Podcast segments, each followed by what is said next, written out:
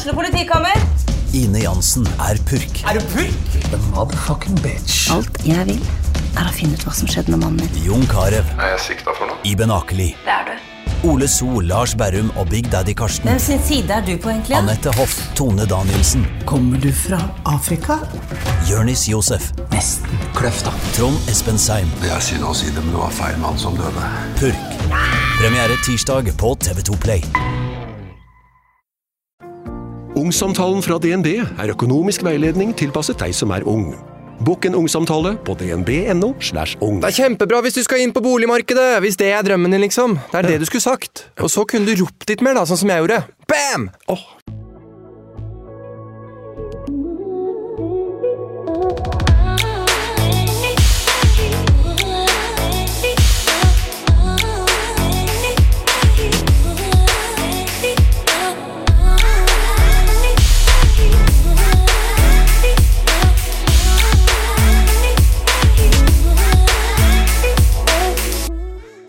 Årets sommer blir annerledes for mange av oss. Men selv om mange har måttet avlyse ting de har gleda seg til, ikke kan reise dit de egentlig hadde tenkt til, og har planer som har gått i vasken, så er det én ting som er sikkert, og det er at det blir sommer, samme hva. For selv om planene kanskje er endra, og selv om ting er litt annerledes, så blir det sommerferie. Isen kommer til å smake like godt, og bølgene slutter ikke å slå. Heldigvis. I juni og juli så er det duka for sommerprat. Det ligger kanskje litt i ordet hva vi skal prate om, for det blir litt prat om sommer, tradisjoner og hva vi gleder oss til, men mest av alt så skal jeg få bli kjent med enda flere spennende mennesker med unike og ulike historier. For har du noen gang fått spørsmål om hvem du er? Det er kanskje det verste og vanskeligste spørsmålet jeg kan få, nemlig hvem jeg er. Da begynner jeg alltid å le, samtidig som jeg forsøker å vri meg unna. Hva hadde du svart? Antageligvis så ville du svart eh, noe som hadde vist til noe bra du har gjort, som f.eks. Eh, jobben din, en kul reise du har vært på, hvor du bor, eller kanskje hvor vellykka du er. Det gjør i hvert fall jeg. Jeg forteller i hvert fall ikke at jeg egentlig ikke tør å være alene hjemme fordi jeg ble overfalt en gang da jeg gikk i søpla. At jeg ikke har tall på hvor mange ganger jeg har faka en orgasme, og at jeg lett kunne spist to sjokoladeplater på én dag. Selv om disse tingene kanskje sier veldig mye mer om hvem jeg er, enn hvilken bil jeg kjører. Men til tross for at det kanskje er litt vanskelig å svare på det spørsmålet for mange av oss, så skal jeg prøve å finne ut av det i disse episodene. Og det er liten tvil om at dagens gjest har mye å vise til, og for mange definerer nok det hvem han er. Kanskje til og med for han selv. Han har spilt hele 104 landskamper for Norge, noe som faktisk er rekord. Han har vunnet Champions League. Om han ikke er den mest profilerte, så er han i hvert fall svært høyt oppe på lista over våre fotballhelter. Han har kuppa utallige overskrifter, skapt mye debatt, blitt kalt både det ene og det andre, og han har stått i stormen mange ganger. Jon Arne Riise er ganske dreven på intervjuer, og faktisk så skrives det vel så ofte om han i utlandet som her hjemme i Norge. Det skrives bl.a. om bruddrykter, privatøkonomi, om ting de fleste av oss kanskje vil ha for oss selv. Selv om Jon Arne Riise var en av mine forbilder da jeg var yngre, og selv om jeg gjerne kunne sitte her og prate fotballmann, sikkert i timevis, så er det noe jeg heller, heller vil prate med han om. For hvem er egentlig Jon Arne Riise? Bak titler, landskamper, venstreslegga og alle overskriftene. Jeg syns det er på tide å bli litt kjent med han.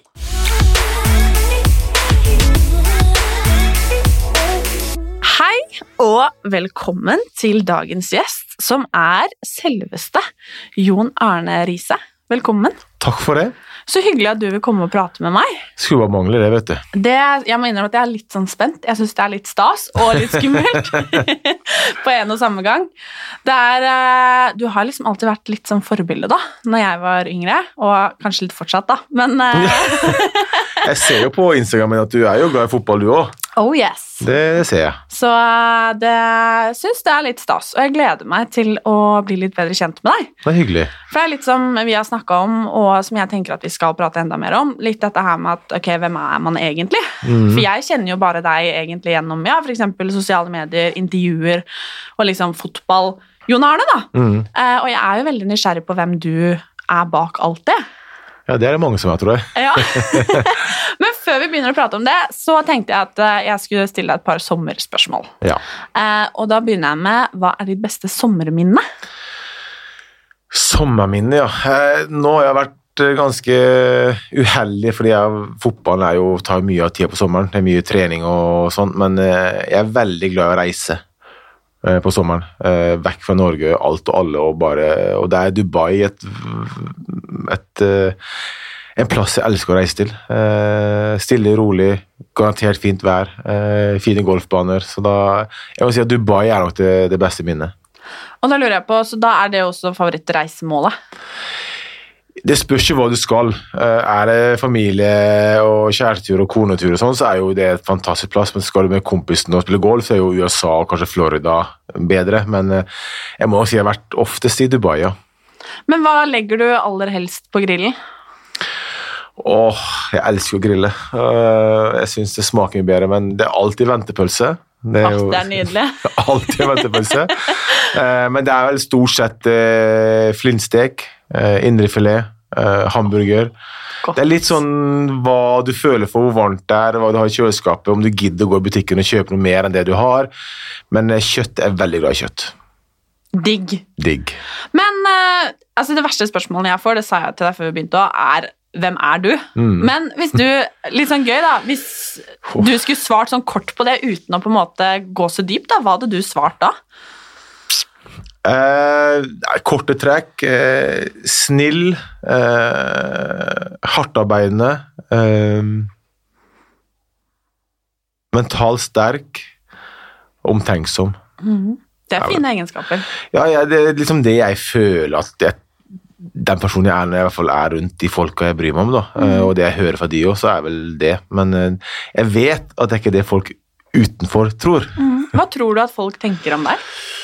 Ja, hvor skal jeg begynne? Eh, Nei, jeg tror altså, de, gjelder de fleste ser jo at jeg er hardtarbeidende og sånt, fordi jeg har kommet så langt som jeg har gjort, men jeg tror de fleste tror jeg er arrogant, eh, sjølopptatt, eh, egoistisk. Uh, jeg vil ikke si dum, men jeg har jo sagt gjort en del ting som kanskje folk kan se litt rart på. Uh, det er nok de tunge tingene jeg tror folk tenker. Kan du skjønne at folk gjør det? 100 Ja. problem, uh, Problemet når du er profilert, og sånn, sånn som jeg, som kanskje har vært skrevet ganske mye om de siste 20 åra, så er det, det er en tynn linje mellom det å være, ha god selvtillit og bli sett på som arrogant. Eh, og den linja den er forskjellig fra person til person.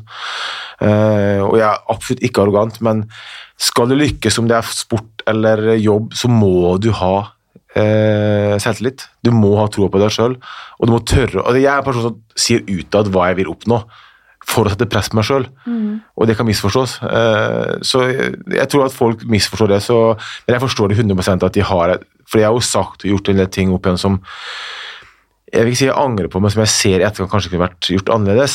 Men det var en grunn til det der og da hvorfor jeg sa det. Eh, og det har pusha meg til å gjøre en ekstra hard jobb, da. Men eh, det er litt synd at det er sånn, men du kan ikke få alle til å like deg. Det er bare, det er umulig. Men jeg lurer på, tror du at hvis du, For du har jo sagt en del ting som du sier høyt, da, om for f.eks. mål. Eh, du skulle jo bli skiløper en, mm. en stund, f.eks. Ja. Eh, tror du at fallhøyden blir stor? At det er derfor folk liksom kanskje tenker 'å, herregud'? Fallhøyden blir stor, men desto større fallhøyde, desto mer press på meg sjøl, og jo hardere jobber jeg. Så det er liksom Jeg bruker det mot meg sjøl, egentlig. Det er derfor jeg sier det høyt, fordi jeg vet at hvis jeg ikke klarer det nå, så ser jeg dum ut. Utad. Ikke sant? Eh, Men stort sett, eh, 95% av ting jeg har sagt utad, har jeg klart. Eh, Så jeg har ikke hatt de store fallhøydene sånn på den måten, men eh, det er jo en bevisst handling fra min side at det setter større press på meg sjøl til at jeg skal klare de målene mine for å stoppe kjeften på mange som da tviler på meg, men mer for min egen del, at jeg da klarer å gjøre jobben da, som skal gjøres. Men har det alltid vært sånn i hele din karriere? Alltid. Jeg, eh, jeg vil ikke si Jo, jeg vil si jeg er unorsk i måten jeg tenker på. Eh, For eksempel da jeg var ung, så trente jeg 21 ganger i uka da jeg var 13. Ingen gjør det. Eh, Trenerne mine sier da jeg var ung, tren høyrefoten også, ikke bare venstre. Jeg trente bare venstre for å perfeksjonere den, og dreit i høyrefoten.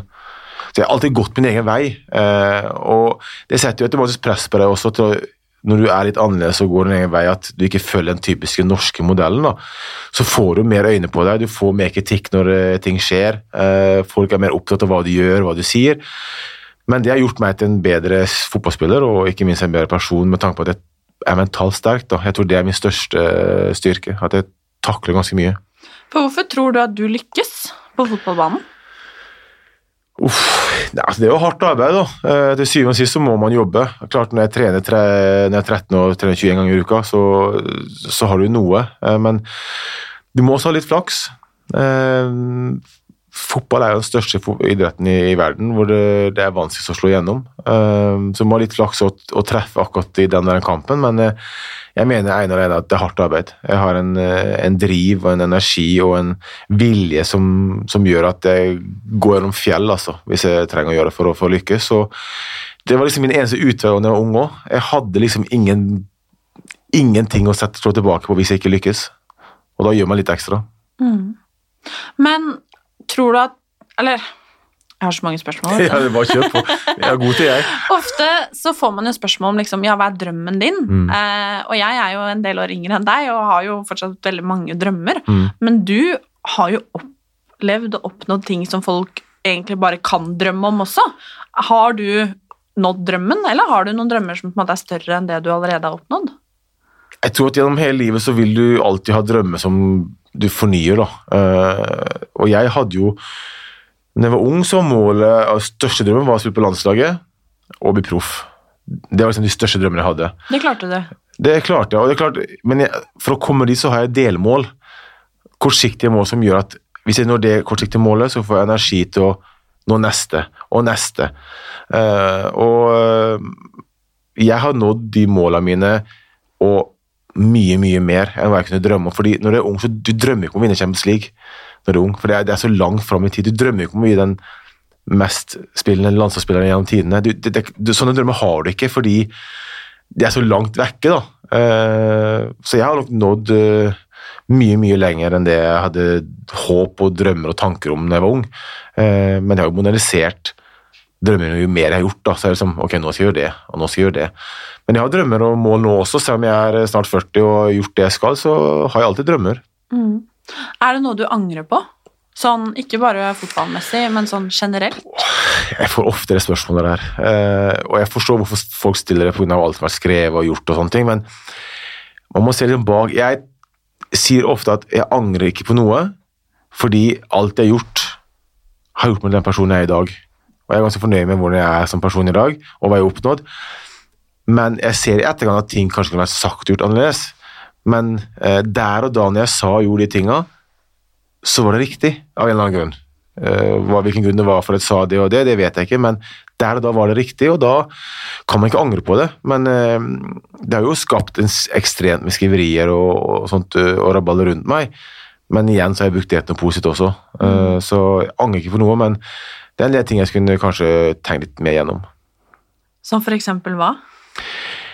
Altså, Jeg kan ikke gå for dypt, men klart, det å Jeg er jo veldig blir veldig fort glad i folk, og venner og ekser og sånne ting. Så du, det er en grunn til at du får de vennene og du blir sammen med de folka, men jeg skulle kanskje ha vært litt mer calm, det med å gifte seg for tidlig eh, og alt det der, men eh, det er liksom ikke noe jeg angrer på, men kunne kanskje venta litt med og vært litt mer tålmodig. Det er jo det det ordet har jeg egentlig, det er tålmodighet. Det er utrolig utålmodig. Eh, og jeg går alltid mot det folk anbefaler meg å gjøre. Så, eh, og så er det en del eh, ting privat, som en del intervjuer som vi kanskje kunne ha holdt litt igjen, men jeg, jeg, veldig fort, jeg blir veldig fort irritert og oppgitt når folk har feil syn på ting, og da svarer jeg.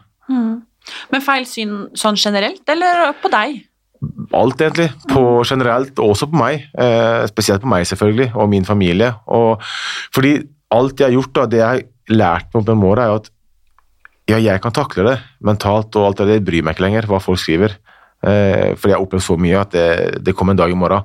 Men det du glemmer å tenke på Du har mamma og pappa, du har bror, du har søstre, du har barn, du har familie og venner som blir påvirka av det her.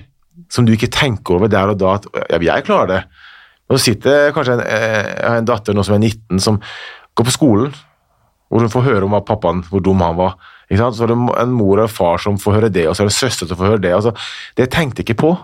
Og det slo meg litt at faen, det er dårlig gjort overfor dem. Jeg takler det. Men det, så der føler jeg at jeg kanskje har tatt litt mer hensyn sånn til syvende og sist. Men de støtter meg uansett, og de forstår hvorfor jeg har gjort ting. men de får nok høre mer, spesielt barna mine. Uh, og hun eldste på, på 19 har nok fått uh, gjennomgå ganske kraftig, for hun var jo da i den alderen hvor jeg var hot i fotballen. Uh, da var jeg sånn 6, 7, 8, 9, 10, 11, 12 år. når du på skolen får høre veldig mye av pappaen gjorde det, og pappaen din og pappaen din og pappaen din. Så den tror jeg hun har kjent på ganske mye. Mm. Det forstår jeg veldig godt. Ja, men du tenker ikke på det der og da, for Nei. du er så opptatt av ja, men jeg takler det. Så går du videre med din karriere og ditt liv. Men så har du folk bak deg som faktisk eh, får høre fra tusen av folk, de også. Mm. Og det er en eh, hverdag som jeg ikke tenkte så mye over når det blåste mest. da. Fordi det er jo ingen hemmelighet at det har blitt skrevet, og fortsatt blir skrevet, ekstremt mye. Mm. Både her til lands, men også i utlandet. Mm. Det skrives jo egentlig like mye om det der. Det er kanskje mer utlandet, ja. men, jeg, men, jeg, føler samtidig så er jeg mer respektert som fotballspilleren. Jon er utad, og liksom, De ser mer hva jeg har oppnådd der enn de gjør med i Norge. Her er det mer tabloid. Mm. Alt jeg gjør utenom fotball. Uh, skilsmisser og økonomi og venner og hit og tide. Det er liksom alt mulig her. Utlandet er nesten bare fotball. Og det, Derfor trives jeg bedre å være i utlandet, mm. fordi der blir du respektert for det du oppnådde, og de ser hvor hvor tøft og det bra det du gjorde i utlandet er. Mens her hjemme så glemmes det litt fordi de bryr seg om det andre, da. Men tror du det er litt janteloven her hjemme? Litt. At jeg kunne tatovert inn janteloven på, på ryggen. Altså. Jeg er vel kanskje den i Norge som kanskje har kjempa mot og opplevd mest janteloven, fordi det er mye misunnelse der ute. Det er mye at du skal ikke tro du er noe, og hvis du er en som stikker fram hodet sånn som jeg er, da, og tør å si hva jeg vil og hva jeg oppnår og sånne ting, så får du kjørt deg så det synger etter. Uh, Men hvorfor tror du det er sånn, da? Jeg, jeg, jeg som person, da, hvis jeg for ser uh, Marit Bjørgen eller Therese Johaug eller Petter Northug gjør noe bra, så blir jeg stolt av norske. Mm. Jeg blir glad, jeg. Samme her. Altså, jeg, jeg, begynner, jeg står og gråter, jeg står og hopper i sofaen, og jeg blir dritglad når de gjør noe bra. Men så sitter folk hjemme og sutrer fordi det er han gjør sånn og hun gjør sånn, og det går ikke an, og herregud, kan ikke og, altså, Det er mange veier til suksess. da. Du har Petter Northug og Marit Bjørgen. To helt forskjellige personligheter. Begge lykkes. Du har Jonan Riise og for eksempel Brede Hangeland. da. To helt forskjellige personer. Begge lykkes. Det er ingen fasitsvar på hva du skal gjøre for å lykkes. Så la folk være seg sjøl. Men her i Norge du kan ikke tro det er noe mm. før du får kjørt det. Det er så mye misunnelse i Norge at det er helt utrolig. men jeg har aldri møtt folk på gata eller ute på byen eller strøm, som kom bort til meg og sagt 'du suger', 'du er dritt'. Ingen negativitet sånn face to face. Det er liksom 'Å, herregud, de hyler, de skriker, det er bilder, autografer, og fy faen, du er konge'. Hva de sier når de går, det vet jeg ikke. Eller hva de sa før. Men når jeg møter dem, ingen tør noen ting. For det er liksom starstruck. Det er sånn, det er sånn dobbeltmoralsk som jeg ikke eh, syns noe om. Folk på nettet, du har opplevd det sjøl også. Det er jo derfor jeg syns du er rå, fordi og, Ja, men For å gå gjennom krigen og bare være deg sjøl mm. og stole på at 'jeg er god nok sånn som jeg er', samme hva folk sier. Og det, det, er en, det, er utrolig tøft, og mannen i gata eller dama i gata kan ikke tro hvor tøft det er, fordi de opplever ikke det. Men det er som du slår på Instagram, da, og så har du så mye hat. Det er ikke gøy å lese om det, men du må være stålkontroll på at du vet hvem du er, og det er jeg. Jeg vet hvem jeg er, hva jeg står for, hvilken vei jeg vil gå. Det holder for meg. Mm. Men da lurer jeg på, hva er liksom det kjipeste sånn i media eller på nettet eller noe sånt du har stått i? Åh, det er ganske mye. Ja. Nei, det er aldri Altså, når det er fotball, så har jeg ingenting problem med det, fordi om du spiller dårlig kamp, eller du dritdårlig fotballkamp, eller du har ikke spilt bra på lang tid, sånn, det er en del av jobben. Altså, det hender jo man spiller litt dårlig. Jo, jo, og det er sånn det er bare. Altså, Fotballgreier har Så lenge det er bra skrevet og liksom ordentlig, bryr meg ikke. Men når det kommer på privatting, når det kommer på barna mine, ekser, kone, foreldrene mine, venner, økonomi, som ikke mener noen har noe med, da kjenner jeg at Og det er så mye løgner og drittskriving. Men så kan jeg ikke gå ut og alltid forsvare heller, fordi du kan ikke vinne mot media. Og det er sånn at Hvis du da går ut og, dømmer, og så protesterer, da, så blir det en ny sak. Så går saken aldri bort. Så det jeg har lært meg nå i etterkant, det er bare vet du hva, la det stå den ene dagen, i morgen er det glemt. Det er sånn, du må det, men det er litt synd at media er så ekstremt opptatt av andre ting enn det du egentlig er kjent for. Eh, men det, det er økonomi som de ikke har peiling på, de bare skriver det de tror du vet, og privatting som hva som skjer hjemme, liksom, når Dagbladet lager, eller VG lager sak på at eh, fordi jeg ikke bruker gifteringen min, Ja, det så jeg faktisk. og så forklarte journalisten, for jeg satt face to face, så derfor, hvis du ser blemma, så hadde jeg blemme, for jeg hadde tjent så mye styrke, derfor har jeg tatt den av. Jeg, derfor, ja, men det, ja, ja. Og de andre satt rundt, hadde heller- ikke gifteringen på seg. Ja, det var den saken død, så går det to dager, så er det sak i VG likevel. Da kjente jeg det bare, det er bare sak for å få klikk, og sånne ting. Altså, jeg kunne ha skalla ned han fyren, altså, etterpå. Men eh, du må bare la det gå. Men jeg tenker sånn, altså, tror du det er Fordi hvis jeg skal være helt ærlig, så tror jeg egentlig ikke vi skriver sånn på den måten akkurat nå om så veldig mange andre enn deg. Altså, det er musikk i mine ører at du, du faktisk eh, sier det, fordi jeg har sagt til manageren min eh, og familie og venner at når du leser om reality-deltaker, tatt for det, kjendisadvokat, tatt for det, alle med navn. Alle navn nevnes. Men når det er Riise, det er alltid navnet. At det er Riise, Riise, Riise, Riise. At det er alltid, aldri at i mitt navn er skjult noe som helst. Og jeg vet om mange som gjør mye verre ting enn det jeg har gjort. Altså på godt og vondt. Og det nevnes ikke. Aldri. Men har du yppa på deg med deg, da, tror du? Jeg tror bare at jeg er en ekstremt eh, en clickbait. Mitt navn, det, det klikker. Altså, jeg vet jo sjøl, for jeg har en manager som følger med på sånne statistikker, og hver gang det er noe meg, så er det toppklikk i den avisa den dagen, og den uka, og den måneden. Hver gang. Ja.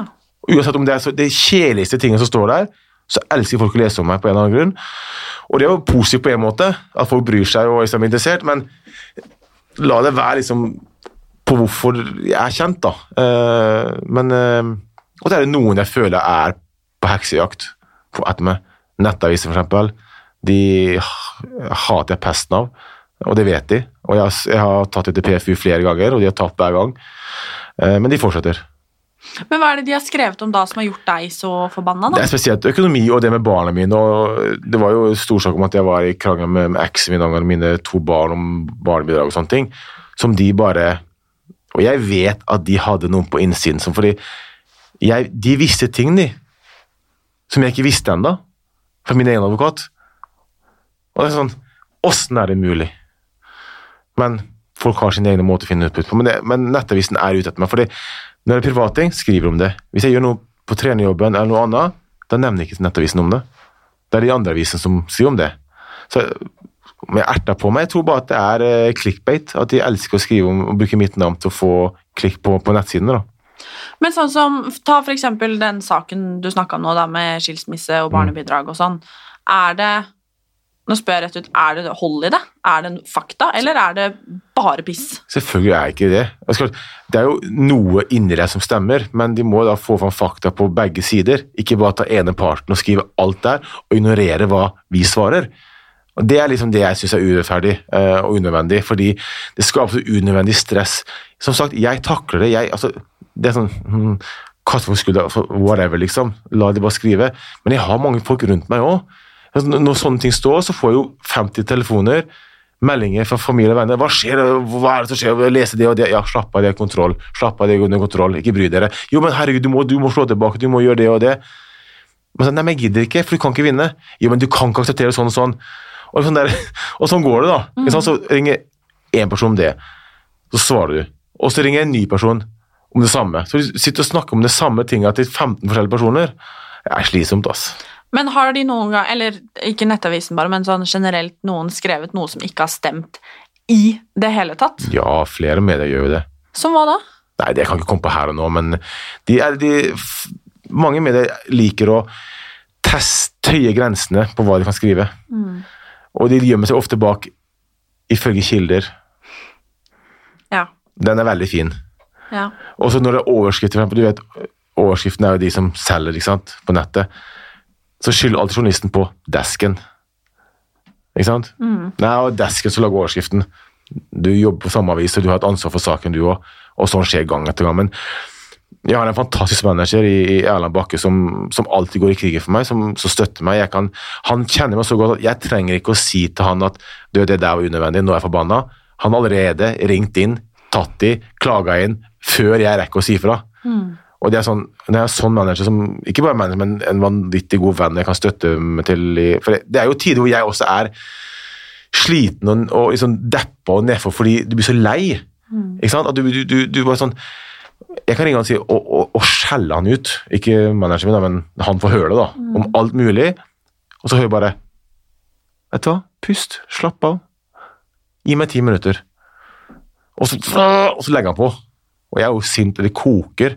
Og så går det ti minutter, og får tilbake. Nå har jeg gjort det og det og det. Slapp av. Ingen bryr seg om det, ingen tenker på det. Å ha sånne folk ute er veldig viktig når det er såpass i media da, og i søkelyset, å ha en manager som støtter deg 100% Og det kan godt hende jeg har feil også, at det som står er riktig, men hans jobb er å passe på meg. Og det gjør han uansett, altså. Og det, det kommer aldri til å glemme, og derfor er han eh, en, en jeg ringer stort sett hver dag, eh, flere ganger om dagen, bare for å lufte hodet. Men jeg lurer på, for at Altså, hvis vi Stort sett egentlig hele livet ditt, så har jo du liksom vært selveste Jon Arne Riise. Mm. Eh, og mediene har skrevet om deg, egentlig siden dag én. Mm. Blir det Hva skal man si Blir det på en måte en litt sånn avhengighet også at de gjør det? Hva hadde du gjort om de plutselig en dag slutta å skrive om det? Det et godt spørsmål. Jeg hadde, jeg hadde en, en kompis som, eh, som sa til meg at for Han var en profesjonell i en annen sport, og han sa til meg at når han fikk han fikk sponsa en del ting, og den dagen han ikke fikk sponsa lenger, så innså han at nå er ikke viktig lenger. Og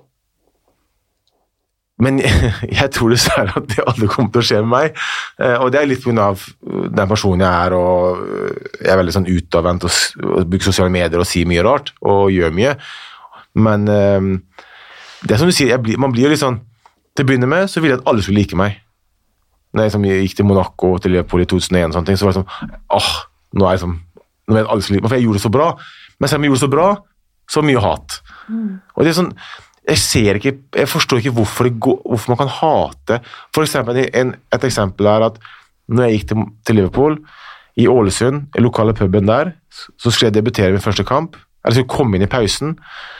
Så var det kompiser som var der, og de sa at Liverpool-supporteren på den puben i min hjemby sa Nei, hvorfor i helvete skal han rise inn nå, da? Herregud. Tenk sånn Det er for din, din by, som skal spille for din klubb som du heier på i England, på TV, og så må du hate den.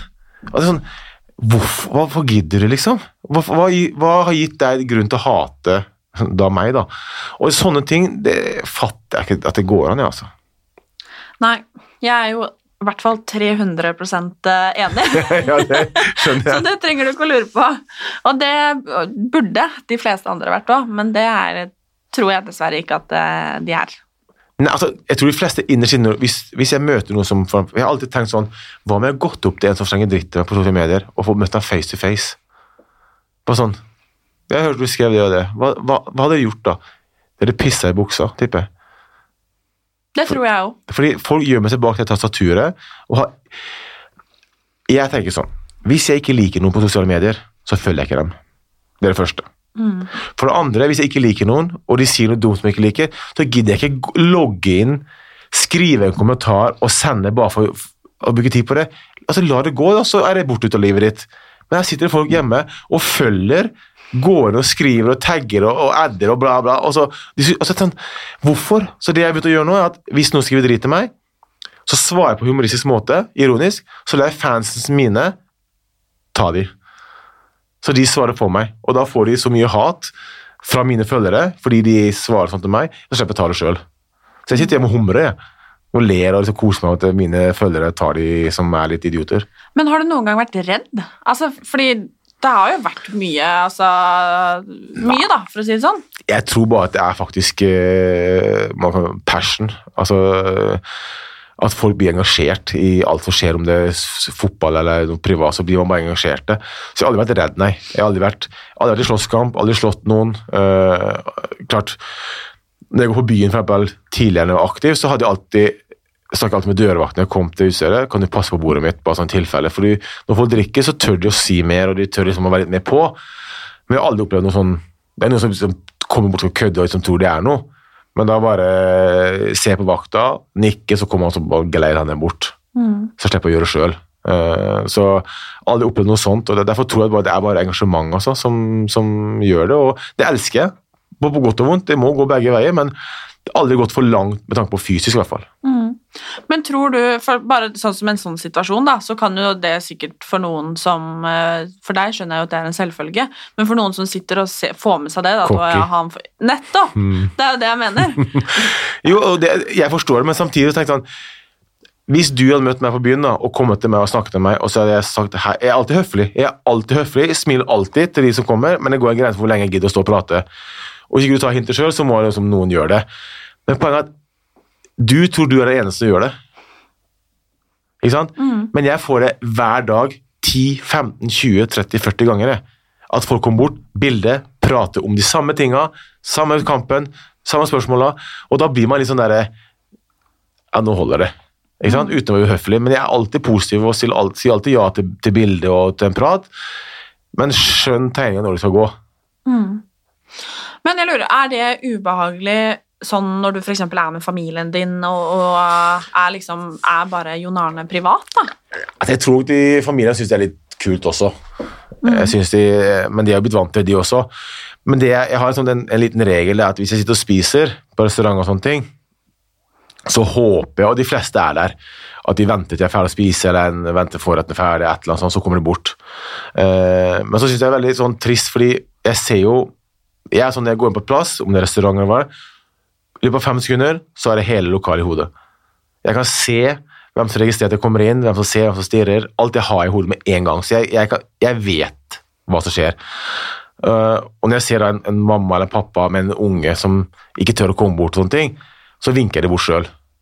Og så smiler jeg bakom. Fordi jeg ser de, de holder igjen fordi de må vente er ferdig å spise, men jeg vet de skal gå fordi de har betalt.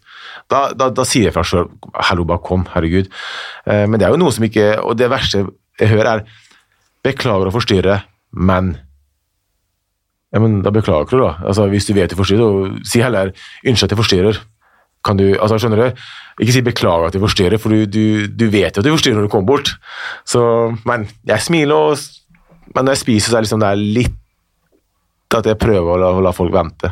Men syns du det er slitsomt? noen Nei, nei. Det synes jeg, altså, jeg hadde jo vært det samme sjøl hvis jeg hadde sett noen jeg har sett på TV. Altså Gitt meg Tiger Woods eller noen eh, altså Jeg hadde jo stått der og trippa sjøl. Det er viktig å sette seg på, i situasjonen til den du sier nei til eller ja til. da. Uh, men jeg syns det er veldig moro at foreldre kommer bort. ja, 'Kan du skrive autograf til sønnen min eller til dattera mi?' eller bilde til sønnen Ofte er det bare til de sjøl. Men de, bru, de, bruker jo, de bruker jo barna som unnskyldning for å komme bort. Jeg synes det er morsomt, men jeg, jeg synes det er utrolig hyggelig å møte folk på, på, på gata og på restaurant og på byen sånt, ta bilder og sånt, fordi det tyder på at jeg har gjort en bra jobb, eh, og at jeg kan da på en eller annen måte være inspirasjon til, til noen andre til å gjøre samme jobben. da. Men apropos, hvem er ditt største forbilde? Har du noe?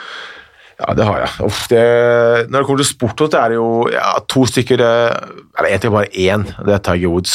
Eh, Men jeg har Roger Federer også. De to er mine Jeg, jeg har møtt Roger Federer flere ganger. Eh, Så de to, Tiger Woods, er eh, Jeg, jeg, jeg hadde begynt å gråte da jeg møtte han. Såpass? Ja, han er mitt uh, Han uh, Sett alt av YouTube-videoer og alt altså, Han er liksom for meg uh, Det er sånn jeg har det med Zlatan, det. Det er helt sikkert sånn du har det.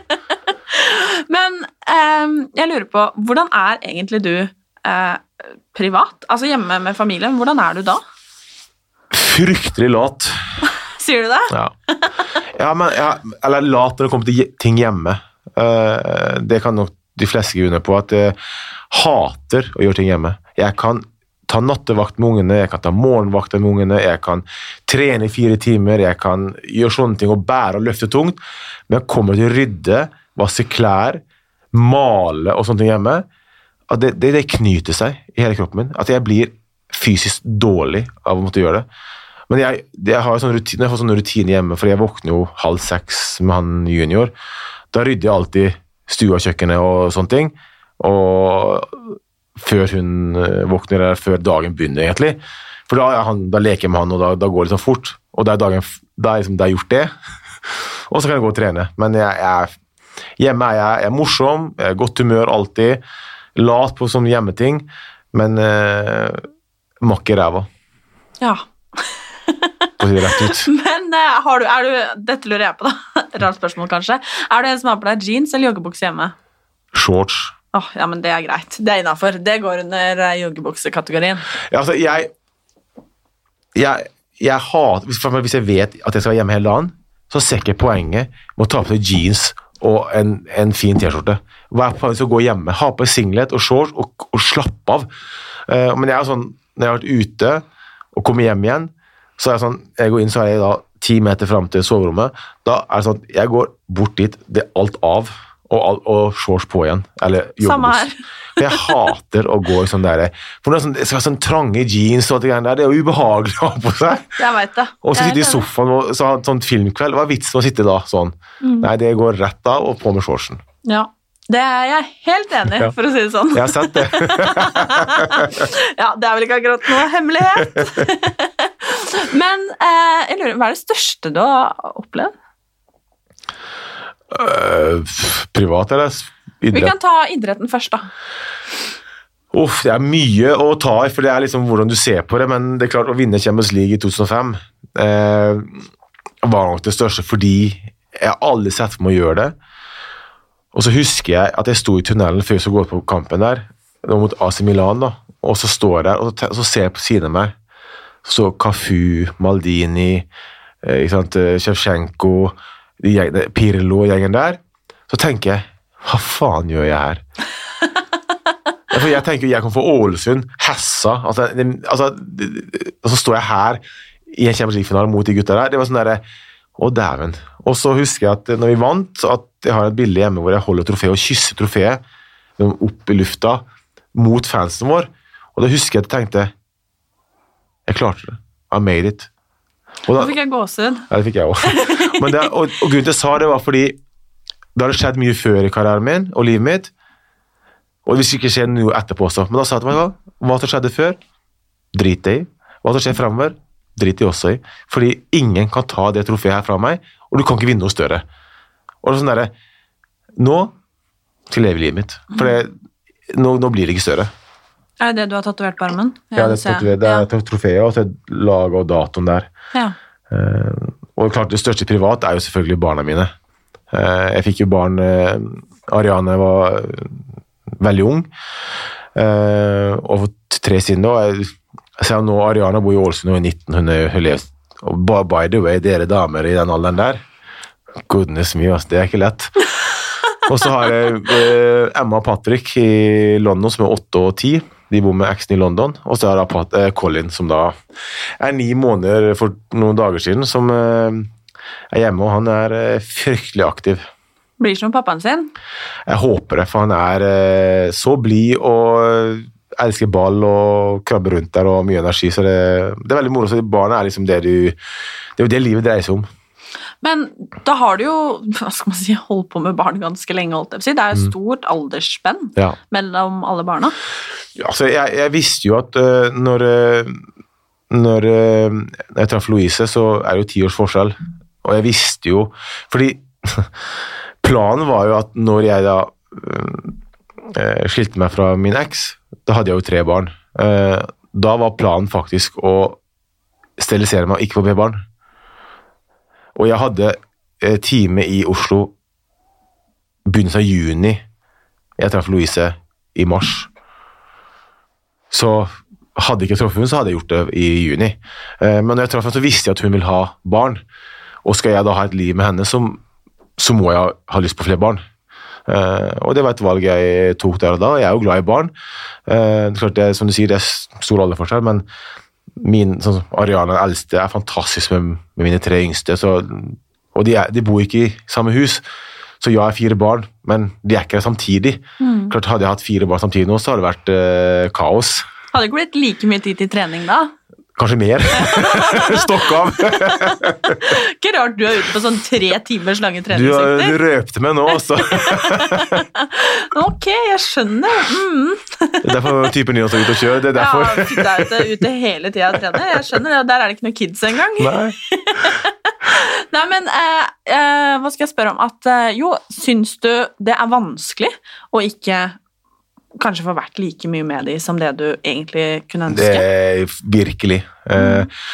Det er liksom Når det ble slutt med eksene når jeg var aktiv, så var det lettere at de flytta fordi jeg hadde jobben min. Det var liksom, Jeg hadde en vei å gå.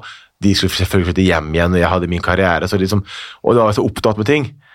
Så nå har jeg blitt vant til å være borte fra dem, hvis du skjønner. Eh, Ikke at jeg liker det og syns det er digg å være borte fra barna mine, men jeg har liksom slått til ro med det og vært så mange år med at det har vært sånn. Eh, Og så finnes jo FaceTime og alt det der, så det er liksom mye lettere nå å se barna dine og ha kontakt med dem. og Hun på ti, hun Emma, har jo, fått, har jo mobiltelefon, så det er jo, det er WhatsApp og teksting og FaceTime og alt mulig eh, der. Så, men ja, det er jo tungt, eh, og du føler at du liksom eh, ikke når opp da, som pappa, når du ikke er der hver dag. Men så vet jeg, de, synes, de er jo stolt av at de har kjent pappa i tillegg, så det kompenserer litt. At, de, at barna på skolen vet hvem pappaen deres er. Og Patrick på åtte er jo ekstremt glad i fotball, eh, så nå fant fant ut at, jeg er på YouTube også, ikke bare Messi og Ronaldo. Så nå har han sett alle videoene mine, alle målene mine, og, og det er liksom utrolig kult å snakke om fotball med han. da. Men dette er kanskje litt personlig, da. Men når vi først er der Når vi først er i gang! Ja, så bare fortsetter vi. Føler du at du alltid har vært en god pappa? Jon Arne skal eh, svare på det, men det blir faktisk først i neste episode. Fordi det viser seg jo at vi har ganske mye mer å prate om. Så del én av eh, Hva skal man si? Praten med Jon Arne, den er over. Men del to den kommer neste torsdag, og da skal Jon Arne fortsette å svare på alt det jeg lurer på. Og forhåpentligvis gjøre at dere også blir enda litt bedre kjent med ham. Takk for at du hører på, og for at du er du.